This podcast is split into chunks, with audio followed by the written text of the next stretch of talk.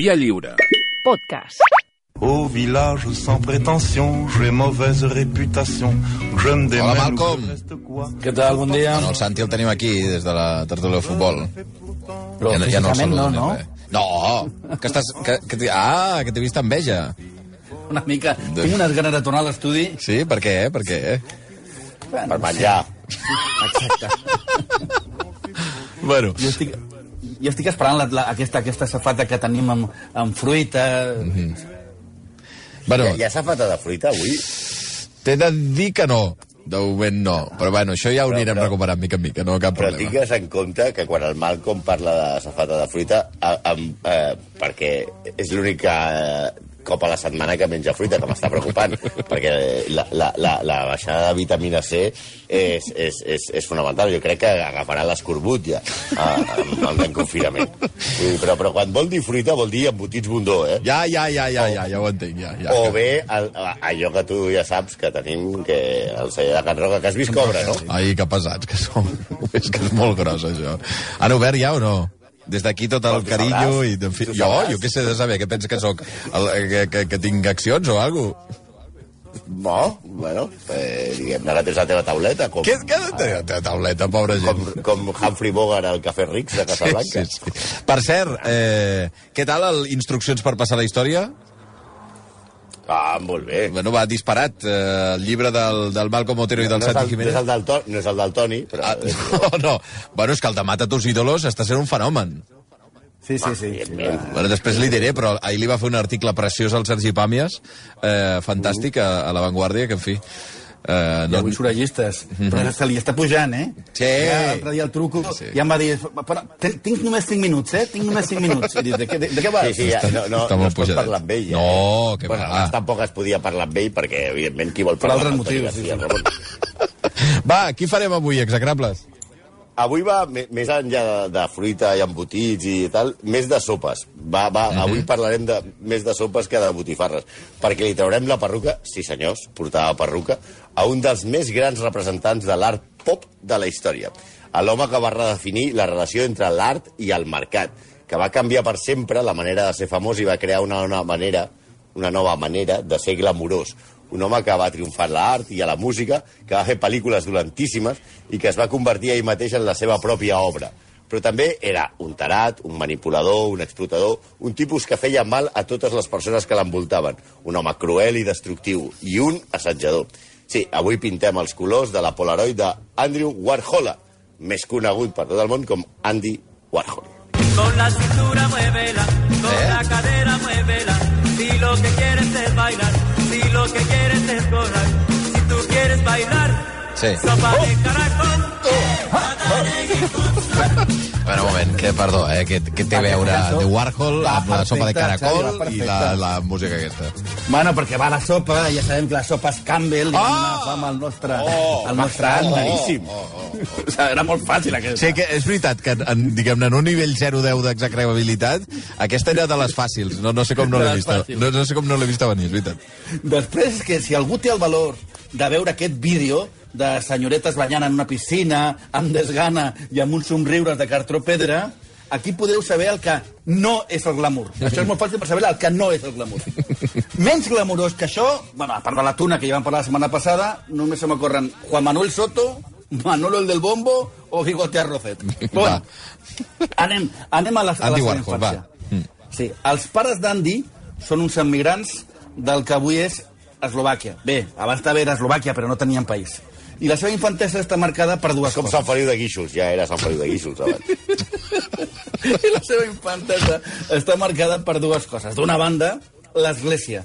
Ell mateix diu que la seva infància va a l'església 8 hores a la setmana. Déu-n'hi-do. 8 hores a la setmana, que són molts, eh? I ells, la família és de l'església catòlica bizantina rutena. Pels de l'ESO, res a veure amb el router que reinicies. És una, Oh. és una branca de, de, de la, del De ritu grec de l'església catòlica. Ahà. De fet, Warhol va ser religiós tota la seva vida i anava més d'un cop a la setmana a missa. No sabem si anava de gaupassa, de- d'empalmada, o directament col·locat. D'altra banda, o sigui, per una part tenim l'església, tenim la malaltia. Andy va patir de nen la corea de Sider, de Sydenham, una malaltia infecciosa del sistema nerviós, el famós Vall de Sant Vito. No fotis, sí? Sí, això que, que, que no, pots, no, no pots parar de bellugar-te. Mm. Això el va tenir mesos eh, al llit i va despertar amb ell una por terrible als metges. Als metges, eh? Però només als metges, perquè cuidar-se no es cuidava gaire.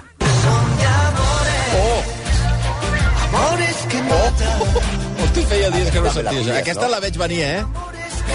Aquesta la- és fàcil, eh? Andy i Lucas. Andy Lucas. ¿Dónde está Lucas? Warhol. Exacte, exacte. Warhol i Lucas. Perquè ara parlarem de, del nom, més aviat de, del, del cognom. Perquè, com, en, com hem dit al començament, es deia Warhola, acabat amb va.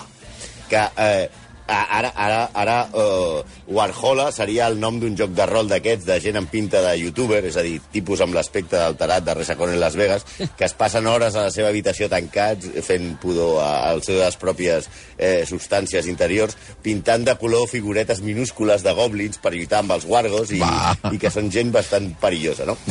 Eh, ell va publicar una vegada, quan va començar com a fotògraf, una fotografia en una revista i en els crèdits de la foto, de la firma de la foto, hi va haver-hi un error tipogràfic. La A de Warhola eh, se la va deixar el que va posar al peu de foto i va quedar Warhol. I a ell li va agradar molt el seu nom. I em sembla que és una cosa molt bona, perquè a mi em sembla que eh, eh, eh, treure la A... Eh, Com a moda, vols dir? bé Que estaria, estaria molt bé treure-la dels Clar, cognoms. imagina't, clar, Pilar Raül, Pilar Rahol. Ladislau Cubal, Luis Miguel Arconat, Lol Flores, Mònic Terrips, o l'únic que veig... Aquest te el l'has inventat, Mònic Terrips? Terrips de què? Si no hi ha cap A, t'arribes. Bueno, sí, que hi haurà, però Però allà al, Mònic al sí. mig... Sí, sí. El problema el tindríem amb Josep PL. Josep Seria... Hosti, noi. Bueno, seguim. Per Molt- cert, molt- sen- sentint aquesta música m'en- m'encantaria que el Warhol algun dia hagués conegut un tal Lucas i s'haguessin fet una foto ells dos i hi hagués la foto de l'Andy Lucas en algun lloc. Seria... Ostres, Tot i que, que per una vegada sabríem qui és Andy i qui és Lucas. això sí, això sí. La, la, la cosa és que molt jove es trasllada a Nova York i triomfa com a il·lustrador per a publicitat, sobretot de sabates. Mm -hmm. Però aquí comencen les coses de tarat, de tarat eh, monumental. A principis dels 50, la seva fixació per Truman Capote es torna delirant. Tan delirant que la mare de Capote, després de centenars de trucades i de cartes de Warhol, li va pregar que deixés de molestar el seu fill. Capote explicava anys després que li escrivia cada dia sense excepció i que de vegades es plantava davant de casa per veure qui entrava i qui sortia. Hosti, quina por. I que, i que Es quedava allà dret. emprenyat- Oi, oi, oi, oi, oi, oi. Imagina't, Oi, oi, oi, raro. oi. I Capote l'escredis- l'escridassava i li deia "Però, però, surt d'aquí, no sé. I l'al- l'altre Dandy no s'immutava. Era un tipus callat i rar que et persegueix i t'escriu sense parar. Hosti, Fa una por. I aquella collons, pinta, eh? I aquella mirada, eh? Oi, oi, oi. A- Els dos tenien bastanta pinta de tarat. Sí, això però, sí. Però, a més, com a bon tarat, ell, eh, Andy Warhol, té una relació estranya amb la seva mare. A més, amb la ma de, també tenia una relació estranya amb la mare de Capote, volem dir, clar, que era la, la que el feia fora de, de davant de casa. Tot i que la mare també és de traga. Escolteu, amb una conversa de telèfon, la mare, allò que el truca, nen, què fas, que sé què, tal, i descobreix que el seu fill s'alimenta només de dolços i que no es dutxa. Que no et dutxes? Maleït porc, ni dutxa ni dutxo. Doncs agafo l'autobús des de Pittsburgh i me'n vaig a veure a Nova York. Allò de, I se li presenta la mare allà. Ding Oh, dong! oh, oh, oh. Allò. Li va dir que es quedava a casa, a casa del seu fill només, només, entre cometes, un parell de dies fins que ell posés una alarma, Securitas Direct, al, al pis. I, va quedar, I es va quedar dos dies i 20 anys més.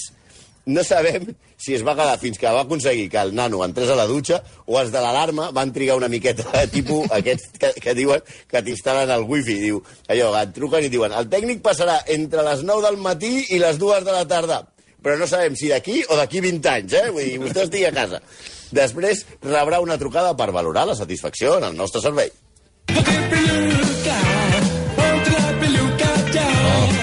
Per aquesta és fàcil, també. Sí, sí. Tu creus que li hauria agradat, aquesta música, a Andy Warhol? Totalment. Tenia tan... Era tan kitsch que sí, la veritat és que sí. Poc, poc temps després, i, i després de comprovar que no seduïa a ningú perseguint-lo fins a casa seva i enviant cartes sense parar, va tenir la idea genial va tenir la idea bestial per ser un sex symbol. Operar-se. I es va operar. Es va operar el nas, però li va sortir malament. No tan malament com a Donatella Versace o Camilo Sesto, però molt malament. Ah, això, si ja era un tipus complicat, ho va espatllar encara més. Ja era encara... Tenia el complex del nas. Però és que el seu projecte no era operar-se el nas, era fer-se un cos nou. En l'exposició fa 4 anys al seu museu, al Museu Warhol, que es deia Warhol, el meu cos perfecte, My Perfect Body, es va, es va exposar quatre models de cara que ell mateix havia dissenyat, ja saps, amb el nas d'un actor, els pòmuls d'un model, mm -hmm. per canviar-se la jeta. Però no només la jeta, s'havia dissenyat un cos sencer. Havia, hi havia di diagrames del cos que, que volia, sobretot, molts anuncis de clíniques d'estètica que prometien que el deixarien com, desi com desitjava. O sigui, era com, volia fer com una mena de Frankenstein per fer-se perfecta. La veritat és que ja estava molt acomplexat. Però sobretot li, li acomplexava que era calp, la calvície.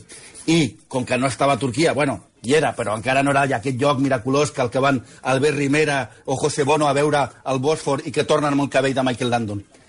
Eh, doncs com que no era això, Warhol feia servir perruca. I alguns diran, no, ja ho he vist, moltes perruques diferents, així... Molt... No, no. Parlem del cabell aquest que sembla el seu, aquest que coneixes, el que sembla normal, doncs aquell és com del, el de la Barbie. Li acostes un encenedor i es converteix en un fregall groc. Per cert, pels de l'ESO, el Bòsfor no és un element químic ni allò que s'encén, amb, amb allò que s'encén el foc. Ell, ell tenia molt talent i comença a fer això a l'art pop i als anys 60 arriba a la seva època daurada. És l'època aquella de, dels retrats de Marilyn Monroe en Sí. colors, el díptic, i les famoses llaunes de Campbell. Per cert, la pintura del 1962, que es titula Llauna de sopa Campbell amb etiqueta estripada, l'etiqueta és de vegetals i carn, es va vendre a l'any 2006 a un particular per més de 11 milions de dòlars. Però és que Warhol va fer moltes eh, reproduccions de les sopes Campbell, es va obsessionar, va començar a fer variacions de llaunes, des del 1962 i va acabar al finals dels anys 70.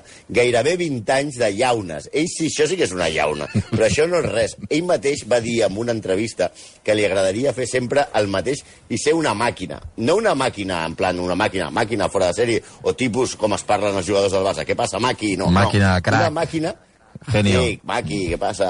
Eh, Maquis, què diuen? planta, Tal, no. Perdona, es diuen Maqui, Maqui, els jugadors sí. del Barça entre ells? Sí, sí, sí, això va posar de moda el Xavi Hernández. Maqui, què passa, Maqui? No, ell, ell, ell volia ser màquina, però tipus línia de muntatge, eh? Una Ah, línia de producció. I literalment màquina, a no? co- Clar, i així va començar a convertir-se en una indústria. I ja des del principi va començar a cansar-se de pintar i les sopes Campbell, que és un cunyàs, i va fer-se fer servir de molts ajudants que realment eren els que ho feien tot. I ell només signava les obres. És a dir, Andy Warhol no era Andy Warhol, era un equip de gent que feia la feina per ell. Ell ja només feia, es va dedicar a fer fotos en plan Polaroid. I tant, I tant es va convertir en una fàbrica que els seus, el seu estudi, els seus diferents estudis, els hi deia The Factory. The Factory era com un club social, una casa, un club pels més marginals i inadaptats de la ciutat, un centre de trobada per la jet set i també un estudi artístic, tot plegat. Però segons Dona De Salvo, una experta en la vida de Warhol, citar, Warhol explotava a tots el que tenia, els que tenia al seu voltant, especialment a The Factory. Ell esperava mà d'obra gratis i gairebé mai pagava els que l'ajudaven. Una mica com aquests xefs que agafen joves cuiners com si fossin temporers i després van a fer la collita del préssec a Lleida. Els teus amics, Bundó. Però els, el, el, els, els ficava en una cultura d'addiccions que va acabar amb la vida de molts d'aquests ajudants. I obro un altre cop, i és que encara que ell només prenia cocaïna i obetrol, que això és una amfetamina molt popular als Estats Units que servia per combatre l'obesitat i que òbviament no deixava dormir, a The Factory, sexe i drogues eren el premi per entrar en, en aquest club tan, tan selecte. Garrepa i forrar-se. Ja ho va escriure ell mateix. Fer diners és art. I el treball és art. I un bon negoci és el millor art. exciting and. Come. I ara et preguntes, i per què? Sí, no, ara no el veig, ara no el veig venir. eh, No, No. perquè Warhol és un producte, és una icona en si mateix. I comença a sortir a convidat, de convidat a, a molts programes de televisió, a, a sèries de televisió. I intenteu recuperar... Hi ha un capítol de Vacaciones en el mar de The Love Boat, on surt Andy Warhol, que arriba a sortir Fotis. a, a les... Sí, surt a vacaciones en el mar. I, a més a més, a, a, les marques es comencen a donar d'hòsties per, per contractar-lo perquè donava una pàtria. Fins i tot el contracta la BMW perquè li pinti els cotxes. Ell és el rei de la contracultura i també del, no, del món nocturn i és el que domina el famós eh, i breu Estudio 54. I com tot rei, ell té un acord. I aquests són els famosos més famosos de Nova York que es donaven d'hòsties per estar amb ell al seu costat. Eh, ell, per exemple, descobreix la Velvet Underground i el, i el seu amic Lou Reed. Per cert, Lou Reed explica que els dos, eh, ell i Andy Warhol, es dedicaven al, passaven el dia inventant, a invent, passaven el dia volent inventar falses notícies, mentides, fake news, eh, i diu, i diu Lou Reed, si pot ser que fessin mal a tercers, que supermajos, Hosti, que i més o menys com, sí, com Eduardo Inde i Javier Negre. En el seu cercle, Lou Reed i John Cale, que eren els de, els de, els de, els de la Velvet Underground, anomenaven a Warhol Drela. Drela és Drela? la, la, Drela és la paraula que surt d'ajuntar Dràcula i Cinderella, que és la ventafocs. Oh. Per això li deien Drela, que és, ve a ser una mica eh, el, el, la idea que els seus amics tenien d'ell, que era Dràcula i Cinderella. Eh, i, i, I junt surt Drela, que és una mica el que va fer després Chiquito la calzada amb Condemor, però més graciós. Hosti, feia temps que no recordava el Conde Mort de la Pradera. Condemor. Sí, clar, eh, imagina't Chiquito amb Warhol, seria fantàstic.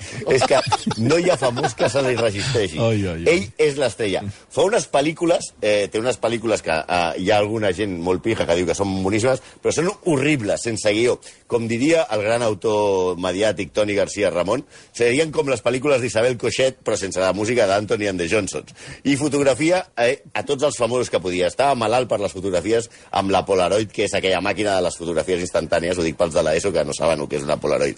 De petit, ell ja retallava fotografies de famosos i, i de gran els hi treu una Polaroid sempre que se'ls troba. Per cert, parlant de The Velvet Underground, Warhol els hi produeix el, un disc, el 1967, que es diu The Velvet Underground and Nico, dos punts, Andy Warhol. Clar, l'important és ell, que és el que no canta ni toca res. i si ho I ara- paga ell, què vols dir? Clar, ha de sortir Home, el clar, títol. és allò...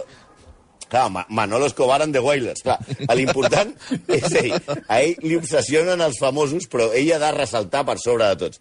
De tota manera, barreja a famosos de primer nivell i amb això dels 15 minuts de fama. I aquí, atenció, altra frase atribuïda a qui no es creu. L'expressió que tothom et va dir, no, com deia Andy Warhol, tothom té els seus 15 minuts de fama, no és seva. Oh! Segons el... No, segons el fotògraf Nat Flinkenstein, el del doctor Fl- Flinkenstein... Sí, el nom, dia el nom sembla que te l'acabis d'inventar, eh, Santi? Hem de dir Flinkenstein, eh? Bueno. Finkelstein, o sigui, no veus? El doctor Finkel, el fotògraf Sí, Finkelstein sí, sí, i el sí. doctor Finkelstein. Vaig a buscar-ho a Google Un perquè, dia, sincerament... aquest- Flink, Flinkenstein, dius? Bueno. Finkelstein. Ah, val. Finkelstein. Un dia estava fotografiant a Warhol, al 1966, i una multitud va, el va envoltar amb curiositat. I Warhol li va dir al fotògraf, tots volen ser famosos. I va ser el fotògraf el que va dir, és clar, Andy, però només per 15 minuts. Per tant, la frase és de Finkelstein. Oh, Finkelstein. li va robar. Li va robar. El Malcolm segueix aquí o no? No, si no és... Ah, s'ha anat. Malco. Bueno, doncs ell ja ha Bueno, tingut ja. els seus 15 minuts de fama i ha decidit que, au, aquí et 15 minuts de quedes. fama, ja està. pues vale. No, Ja segueix tu, segueix tu. Malcolm! després- Va, deu estar esmorzant. És que és l'hora és l'hora de, la, és l'hora de la toma. ha, ha, anat a la cuina un moment, ara, ara es fot do, dos codillos i torna. Bueno, la, la idea aquesta de reclutar famosos primer era molt underground i després molt menys mainstream. I no sempre li surt bé. Un dels que va sovintejar-lo molt, molt i no festes. diríeu mai, mm. sí, era el tenista John McEnroe. Hosti, McEnroe, Ja, eh, anava a les festes de Warhol. McEn- Boníssim. Sí, que cada vegada que anava a les seves festes, ell, el McEnroe, intentava lligar amb, el, amb, amb, el, amb, amb algun paibon que hi havia per allà. I allà estava Warhol posant-li la càmera als morros amb la Polaroid per fer-li una foto. Diu, era una, diu, diu John McEnroe, era un autèntic jodeplanes. Va arruïnar la meva vida sexual durant una temporada. A mi, en totes aquelles festes a les que jo vaig fer, et feia fotos de matinada, quan estaves en condicions molt lamentables, i fins i tot, evidentment, les feia especialment quan estaves completament passat. I això no es pot fer. Nosaltres, que Això vam tenir fatal. una època que vam sortir i no hi havia telèfons mòbils, eh, ho aconseguia. I No hi ha constància de les nostres festes. També diu McEnroe, era un mediocre que no deia més que tonteries buides. Això sí, amb una gala benèfica, McEnroe, d'anys després, va comprar per 30.000 dòlars un retrat que Warhol li va fer a ell i Tatum O'Neill. Anys després, eh, el va vendre per 400.000 dòlars.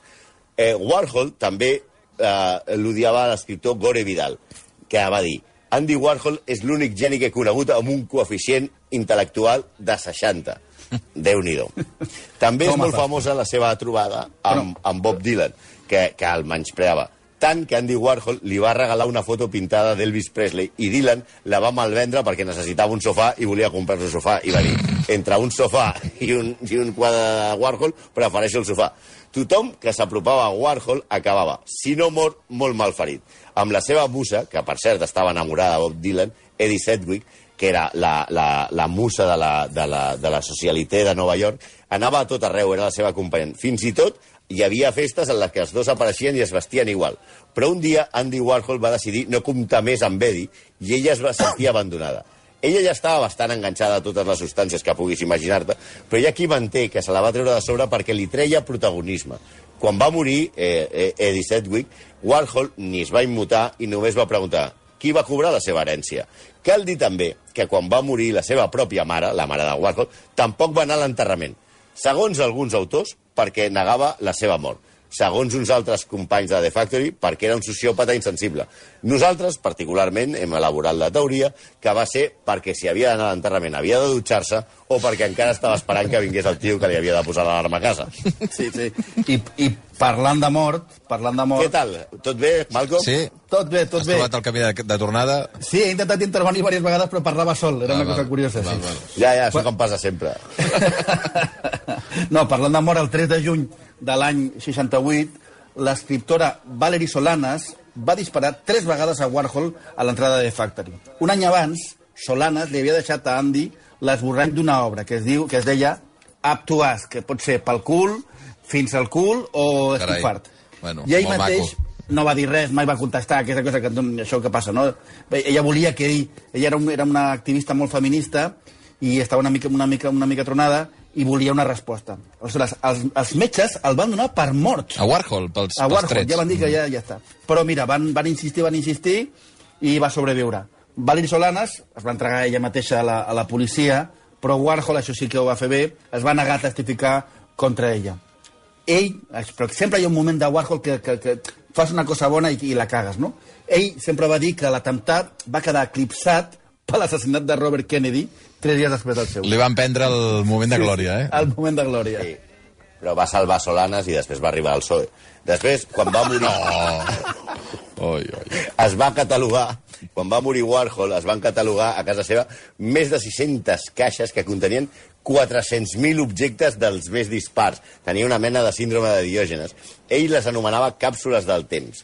En aquestes caixes hi havia de tot que us podeu imaginar. O sigui, recollia merda, literalment. Hi havia de, de, des, de, des de pasquins aquests de supermercats amb les ofertes fins un tros de pastís del casament de Caroline Kennedy que, òbviament, quan el van obrir estava totalment descompost, el pastís. Es va descobrir, fins i tot, atenció, un peu humà momificat que semblava que havia robat d'una tomba egípcia. Però què dius? La majoria d'aquestes merdes es va acabar subestant, van acabar al seu museu i es van, i es van subestar moltes d'elles. Sotheby's va necessitar nou dies per subestar tota la merda que van trobar a casa de Warhol. I va obtenir per la subhasta, la gent està més tarada que Warhol, 25 milions de dòlars. Ala. Sí, sí, jo, crec, jo crec que el peu, com que estava fent aquest Robocop, aquest, aquest Frankenstein, jo crec que aquest peu li agradava i se'l volia posar. Una última curiositat. Abans de res, primer, dir que Víctor Fernández eh, ens ha ajudat, com sempre, molt, perquè ens ha donat moltes pistes per buscar, eh, sobretot això de Vacaciones en el Mar. Warhol va fer per encàrrec la portada d'un disc de Miguel Bosé. Oh, de Miguel oh, Bosé. doncs Què ja- dius? Sí, sí, sí. I va cobrar, però una morterada, una fortuna. Això sí, era, òbviament, abans de que Bosé eh, cregués en reticulín. Molt abans. Bueno, en fi, execrables. Avui eh, col·locant al seu lloc Andy Warhol, eh, o hauríem de dir Andrew Warhola, eh, però vaja, hi ha, hi ha en fi, eh, oients que, que reivindiquen que això és, aquesta pràctica de treure la A del final del cognom s'apliqui. Per exemple, demanen que, es, que passi en Pep Guardiola. I passi a ser Pep, Guar Pep, Pep Guardiol, eh, que també té un, eh, un ressò internacional. Uh, Maradón. Maradón. Maradón. Malcolm, Maradón. Malcolm Oter, eh, Santi Jiménez, eh, que vagi molt bé. Apa, adéu-siau. On viendra me voir pendu, sauf les aveugles, bien entendu.